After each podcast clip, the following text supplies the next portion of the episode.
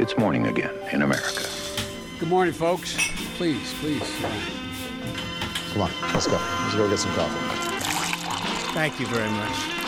Det er mandag 12. mars, og morgenkaffen fra amerikanskpoliti.no er servert. På lørdag deltok president Donald Trump på et valgkampmøte i Pennsylvania foran spesialvalget i Pennsylvanias 18. kongressdistrikt, som holder sted på tirsdag. Bakgrunnen for dette spesialvalget er at tidligere representant i distriktet, Tim Murphy, en republikaner, måtte trekke seg fra Representantenes hus grunnet en utroskapsaffære. Trump vant distriktet med 20 prosentpoeng mot Hillary Clinton i 2016, men likevel så har meningsmålingene her vist et svært jevnt løp mellom konservative Rick Saccone, en republikaner, og demokraten Conor Lamb. Amerikanskpoliti.no har dette foreløpig som et trolig republikansk sete. Real Clear Politics derimot sier toss-up. En kategori vi ikke benytter oss av, ettersom vi da sier hvem det faktisk lener i retning av, selv om det jo er jevnt. Eh, det er nå kommet rapporter om at Trump eh, synes Sacon er en meget dårlig og svak kandidat. Eh, det er jo i alle fall noe de kommer til å si dersom denne republikaneren kommer til å tape dette setet, som Trump altså vant med 20 prosentpoeng.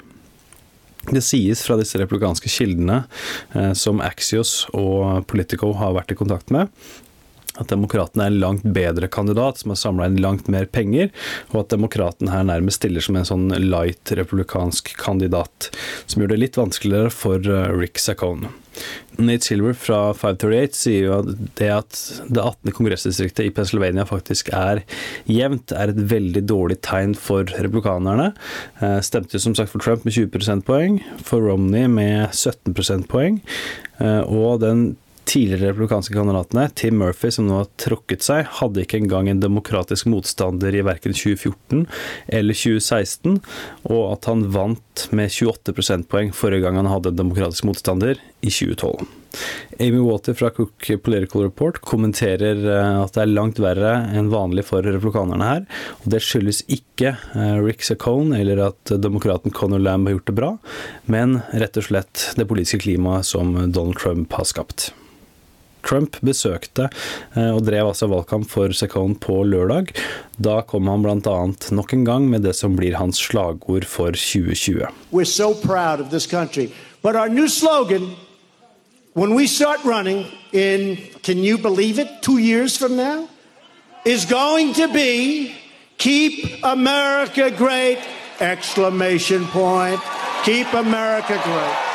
Han nevnte også dette slagordet to dager før han ble innsatt som president. Eh, men nå nærmer vi oss gjenvalgskampanjen. Den kommer ikke til å starte om to år, den kommer til å starte rett etter mellomvalget, er jo allerede formelt kunngjort. Eh, senator Jeff Flake, republikaner fra Arizona som ikke stiller til gjenvalg i 2018, eh, deltok i går på Meet the Press, og han fikk jo da bl.a. spørsmål om 2020 og potensielle utfordrere til Donald Trump fra republikansk side. He's running for re-election already. He announced that. Right. Basically, do you think he needs to be challenged from yes, somebody I, who espouses your views? Yes, I do. Okay. I do. I mean, it would be a tough go in a Republican primary. The mm-hmm. Republican Party has is the Trump Party right now. But that's not to say it will stay that way. Dagens utgave av Morgenkaffen er servert av Kim Kvale og undertegnede Are Togflaten. Du leser mer om disse og andre saker på amerikanskpolitikk.no. Du finner Morgenkaffen i Spotify, iTunes og andre podkastapper sammen med Ampolkast.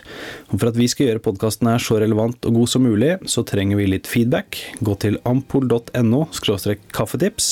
Det tar deg ett minutt, og du kan da bli med i trekningen av en eksklusiv Ampol-kopp som du kan drikke morgenkaffen i, dersom du ønsker det. Vi setter uansett utrolig stor pris på alt vi får av innspill, og håper vi hører fra så mange av dere som mulig. Hyggelig å høre på, og så snakkes vi i morgen.